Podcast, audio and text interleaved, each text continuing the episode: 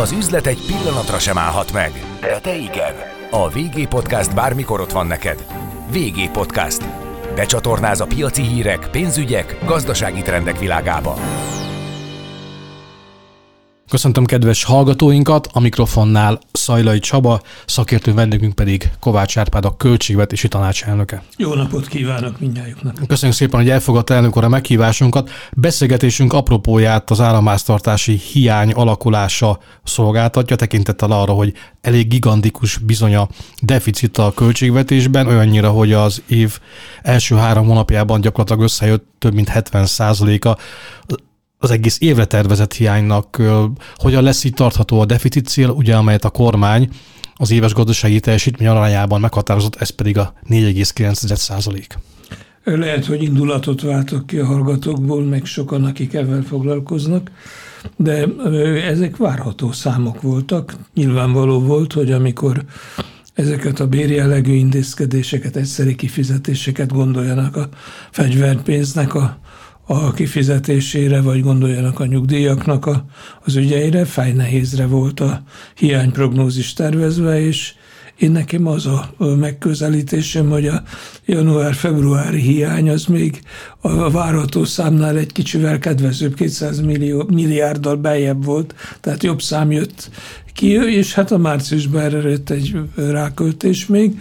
Ezeknek a hatásokra az év további folyamataiban ilyen kiadások, amelyek az év elejére voltak ütemezve, kétségtelen a, a költségvetésnek azokkal a meggondolásaival, amelyek a jóléti programokhoz kötöttek, ígéretek voltak, társadalmi szükségletekhez kötöttek, meg gondolom bérjellegű igazságtételt is szolgáltak, azok bizony az év elejére kerültek, és hát ennek megfelelően a hiány így alakult.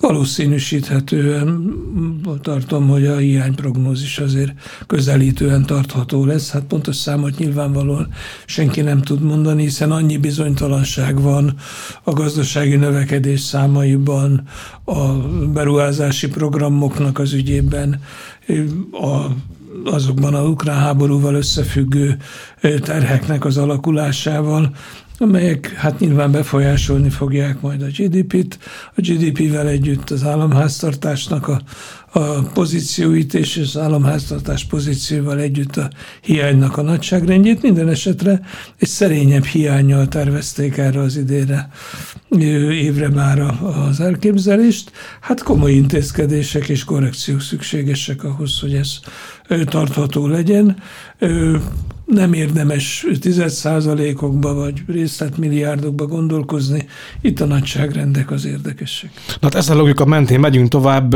minden kedves hallgatónkat valószínűleg foglalkoztatja, hogy miként hat az államháztartás pozíciójára a szomszédban zajló háború.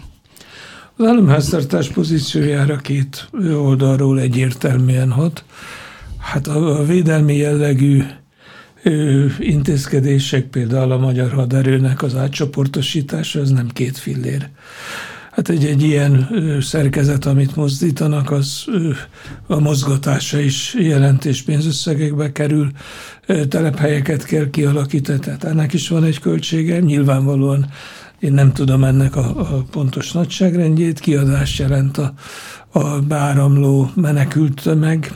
A menekült tömegből az a közeg, aki nagyon szerencsétlenül és nyomorultan menekült el környezetéből, és minden segítséget megérdemel, és hát van egy olyan is, aki egy tehetősebb táborhoz tartozik, akik tudnak lakást bérelni, szállodai szobában helyezik el magukat, tehát az ukrán rétegek azok megjelennek a teljes keresztmetszetében, és hát az államnak is ebben kapcsolatban milliárdos kiadásai vannak.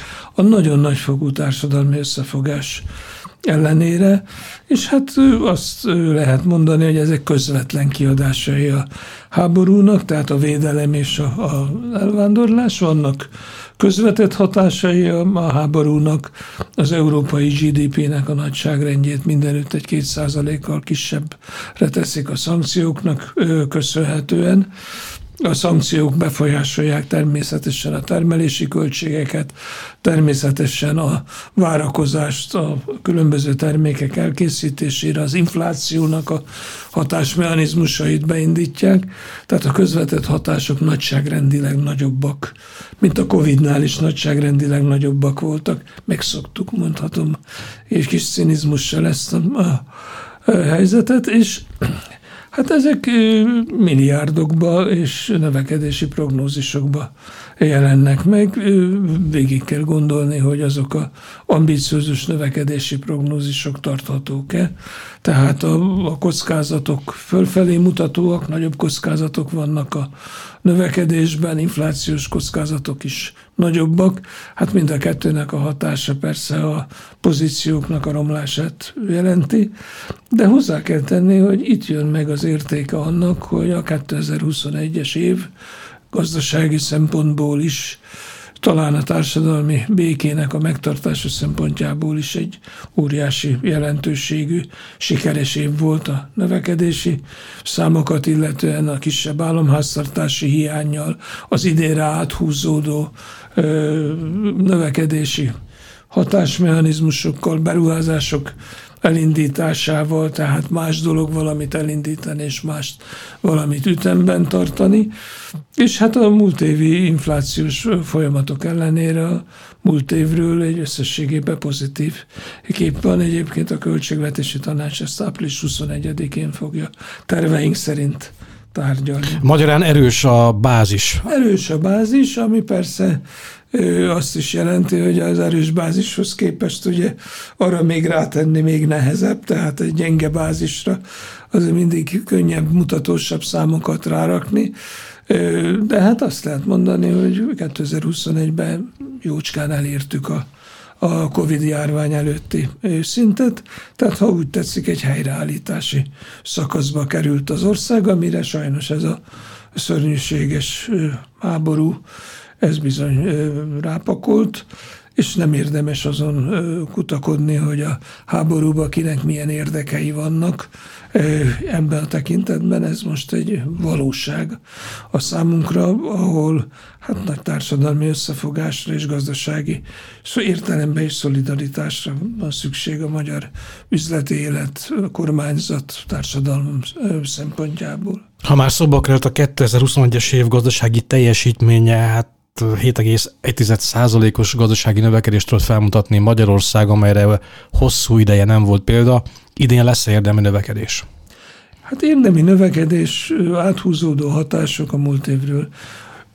Az ebben foglalkozó kollégák szerint két és fél százalék biztos, hogy van ennek a, a lendületnek a idei évre való kisugárzása. Hát ugye nagy kérdés, mi fog még ráépülni? Na most ennek a ráépülési ügye tulajdonképpen azért attól is függ, hogy mennyire sínyli meg az ország ezeket a, a problémákat, amelyek sajnos globális szállítási láncokkal, energiárakkal, közmondásosan Magyarországnak óriási az energia kitettsége. Tehát ezek mind olyanok, olyan tételek, amelyek ezt befolyásolni tudják, de nagyon függ attól, hogy milyen lesz a gazdasági teljesítményben a mezőgazdaságnak a részesedése, hogy indul el, lesz-e műtrágya ezekben a, a, hónapokban, ami kell, és hát lehet sorolni még ezeket a tételeket. Tud esetleg mondani egy olyan számot, amelyre úgy nagyjából be tudjuk lőni a növekedés üteménynek hát a mértékét? A, a Nemzeti Bank számai azok közismertek, azok 3,5-4 százalék körül. Vannak a kormányzati tájékozottságom szerint is, annélkül, hogy én valakire hivatkoznék, én szerintem olyan 4 százalék körüli gondolkodás jelen van.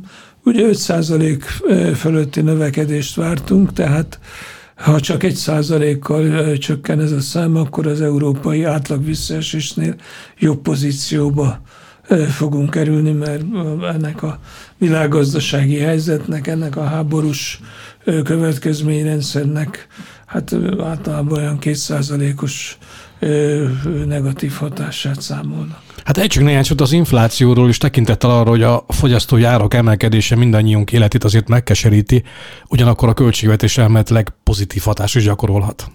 Hát a költségvetés pozitív hatása az egy szép dolog, de azért a fene egye meg ezt a dolgot. Ennek vannak határai, hogy ez milyen. Tehát a nagyon erőteljes infláció természetesen elinflál egy sor kormányzati szélkitűzést is, társadalmi programokat, fizetésemeléseket, nyugdíjemeléseket, és hát magával hozza, hogy további ráfordításokat tegyenek, hogy tartsák a társadalomnak a kohézióját és a társadalomnak a, a, a teherviselő képességét is figyelembe vegyék. A infláció a világon mindenütt alapvetően helyreállítási szakaszból származott eddig a Covid-ból, Covid utáni helyreállítási, a megint meglóduló beruházások, óriási beruházási keresletnek a megelsőben Magyarországon is 27 os beruházási hányaddal dolgozunk, ami egy nagyon-nagyon robosztus szám.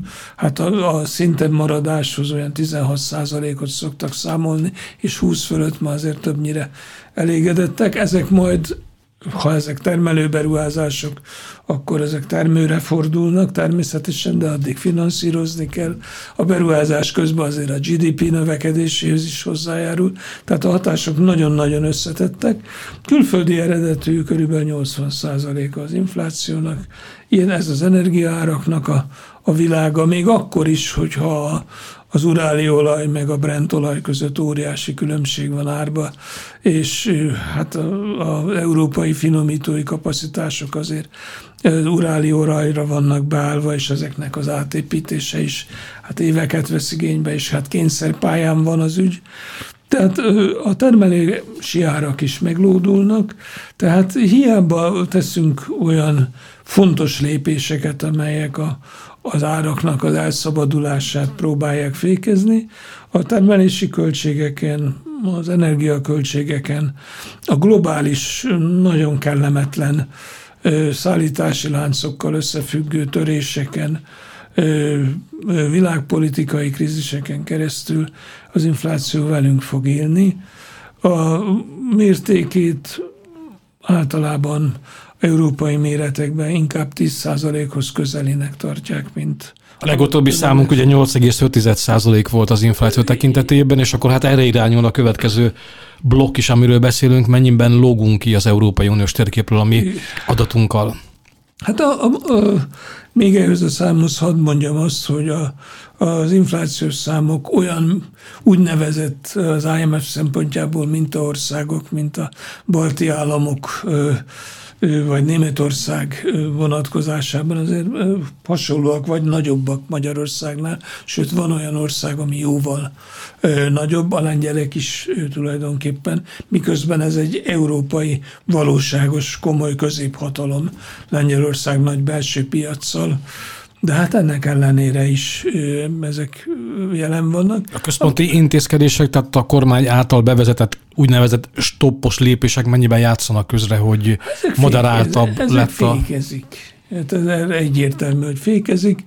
Hát az én ismereteim szerint a benzinárstopnak megvan tulajdonképpen a, a fedezete, megtermelődik ebből a ö, olajbehozatali struktúrából, tehát nem északi tengeri olajat használ Európa jelentős része, Magyarország pedig szinte kizárólag ugye uráli olajra vár rá.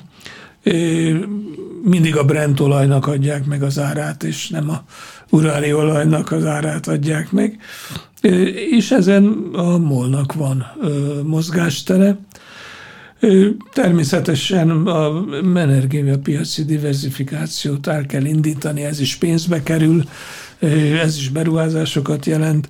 Tehát mindezek a, a, a tételek a inflációnak a tartós velünk maradását fogják jelenteni, miközben ezek a lépések, amelyek hatósági árakat vezetnek be, nem csak Magyarországon, Franciaországban is van, és hát az Európai Unió más állama is alkalmaznak, fogyasztási kosár elvekben is gondolkozva, de hát a termelési költségek akár a húspiacon, akár a, a gabonapiacon, hát nyilvánvalóan, egy ukrán-orosz gabonatermés kiesik, akkor az, az világon egy óriásit durran, és hát nem a, az az érdekes, hogy a tankok tönkreteszik a, a csodálatos Krivoi rognak a, a, a búzatermő kapacitásait, hanem az is, hogy nem tudnak vetni a háborús következmények között a szállítás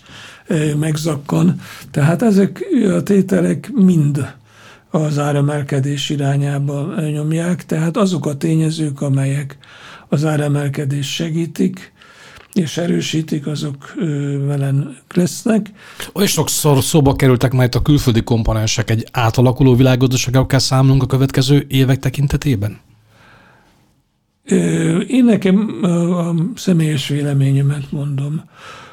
Ezt a nagyobb lélegzetű világgazdasági átalakulást én a 2030-as évek elejére valószínűsítettem, és ebben nem csak a, annak van szerepe, hogy Oroszországnak most éppen Spanyolországgal azonos a, a GDP-je, vagy más középhatalmi GDP nagyságrend, és nem világhatalmi, hanem összefügg azért a potenciális energiaforrásokkal, a mérhetetlen tartalékokkal, amelyek ebbe a, a méreteknél megjelennek, és hát megjelenik egy új világhatalom, tetszik vagy nem tetszik. Kína, azon zajlik a, a vita, és hát derültem, a Bloomberg volt, és a Washington Post, ami tulajdonképpen ellentétes prognózist írt erről, hogy mikor, hogyan alakul, és mennyi ideje van még a világnak ezekben. Hát Kína régi álma tegyük hozzá, hogy behoz az Egyesült Államokat, mármint gazdasági kibocsátás terén, még azért alatta vannak jócskán. Alatta vannak jócskán, de azért az De látható a pálya? Tehát, hogy, Látható hogy... a pálya egyértelmű. Sokan azt mondják, hogy Kína ö, nem bírja ezt a fölpumpát. Nekem is van olyan kiváló egyetemi professzor kolléganőm, aki azt mondja, hogy ez itt vissza fog esni. Hát meg közben az Egyesült Államok sem pihen. Hát ő is dolgozik ebbe, tehát ez egy világhatalmi harc, és ezt az ukrán háborút is ebbe a szörnyűséges világhatalmi harcba kell elképzelni. Hát Európa Oroszországgal karöltve Kínával a hátterében, hát egy új világrendet hozna, és hát ezt a világrendet nyilvánvalóan ellenlépés. Hát, hogyha fellapozzuk a nyugati véleményformáló cikkeket, akkor abból kiderül, hogy tulajdonképpen Oroszország és az Európai Unió között megszűnik a közös gazdaságpolitik együttműködés. A orosz-okrán háború apropóján legalábbis, ugye a hát, sok-sok szankció ezt szolgálja elméletileg. Hát elsősorban azért azt érdemes mondani, hogy a világ versenyképességi rangsorain azért európai államok állnak a, a, az élen, és Európa azért nem a múzeum kontinens, de láthatóan a kibocsátás Európának ebbe a versenyre évről évre azért szerényebb. Azt hiszem 14 százalék körül van most a, a világgazdaság teljes kibocsátásán belül Európa. És volt, amikor 25 volt, ugye nem is olyan régen. De tegyünk itt egy horgonyt le Németország tekintetében, még csak Magyarország legfontosabb gazdasági partnerről beszélünk. A németek például teljes egészében át akarják a energiapolitikájukat formálni. Mennyi időbe telik ez?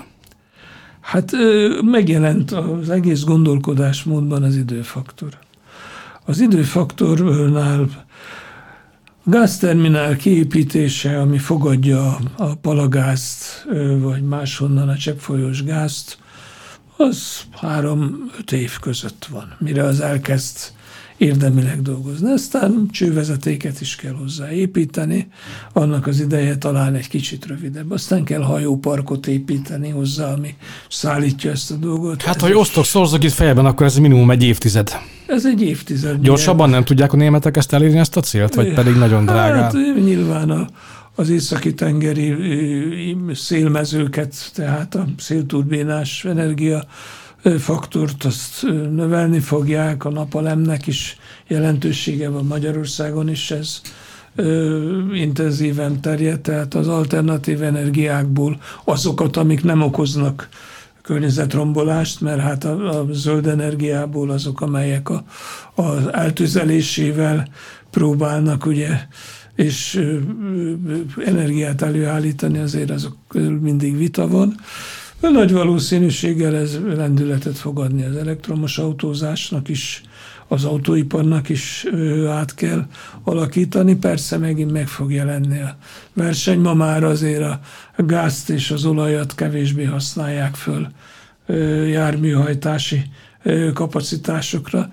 Mit csinálnak a hajóparkkal, ami ugye azért a világ legnagyobb szennyező kibocsátói és a dízelolaj felhasználásba mit tudnak visszatelepíteni termelési kapacitásokat.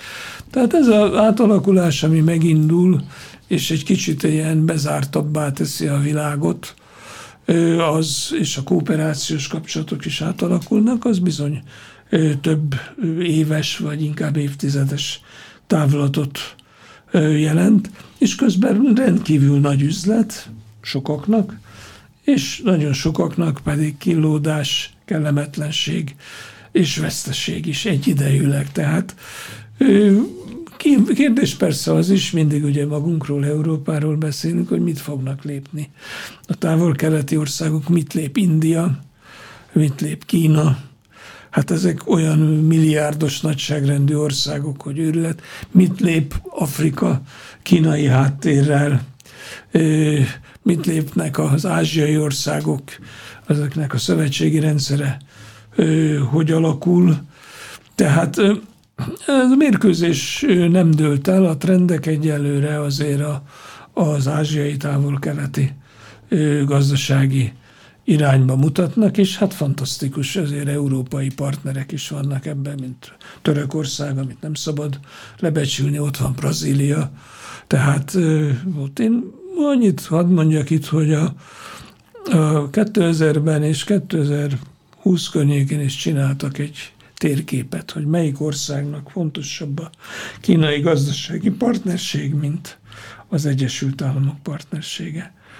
Akkor még azért inkább 2000 környékén Afrika közepe volt, ugye kivásárolva, meg geopolitikailag az a ázsiai terület, ami volt.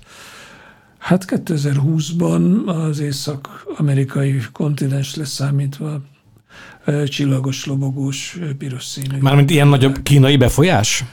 fontosabb kereskedelmi partner, mint az Egyesült Államok. Hát akkor picit maradjunk az Egyesült Államoknál tekintettel arra, hogy a mostani státuszkó szerint, és akkor ugyancsak tudnám idézni itt a nyugati vélemény vezérek cikkeit, hogy ne legyünk szubjektívek, jelenleg az Egyesült Államok lesz a nevető harmadik.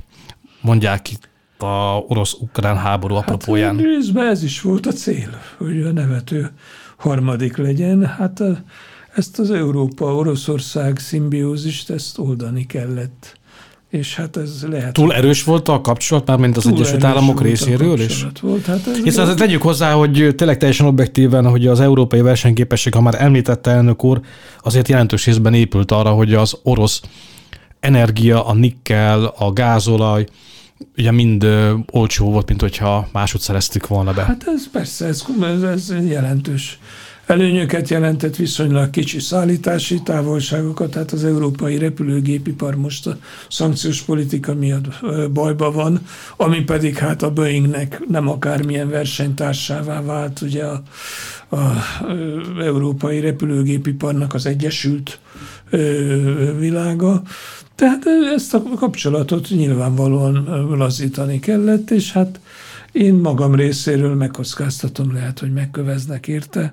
Ukrajna közé szorult ennek a, vetélkedésnek. Tehát gazdasági háború is zajlik, ha őszintén fogalmazunk? Nagyon keményen hajlik, és hát nagyon sokáig abban reménykedtek, hogy ez a gazdasági háború megmarad a gazdasági háború szintjén, és nem egy brutális konfliktussá, egy agresszióvá válik, ami hát lehet tekinteni kiprovokáltnak is.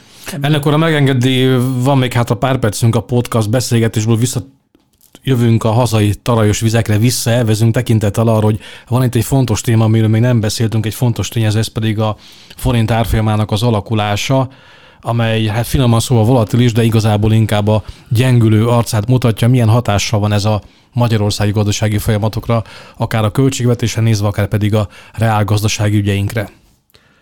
Hát A fiamból adódóan van tájékozottságom a svájci különböző üzleti értékbecslőknek a, a világában is. Hát ők már a forint árfolyamát 2020-21 végén és 400-hoz közeli szintre. Hát egyszer elértük a 400-at. Egyszer volt de, alkalmunk sajnos. Jóval késleltebben, és ők tartósan egy beállt árfolyamnak vetítették előre ezt? Vetítették előre ezt.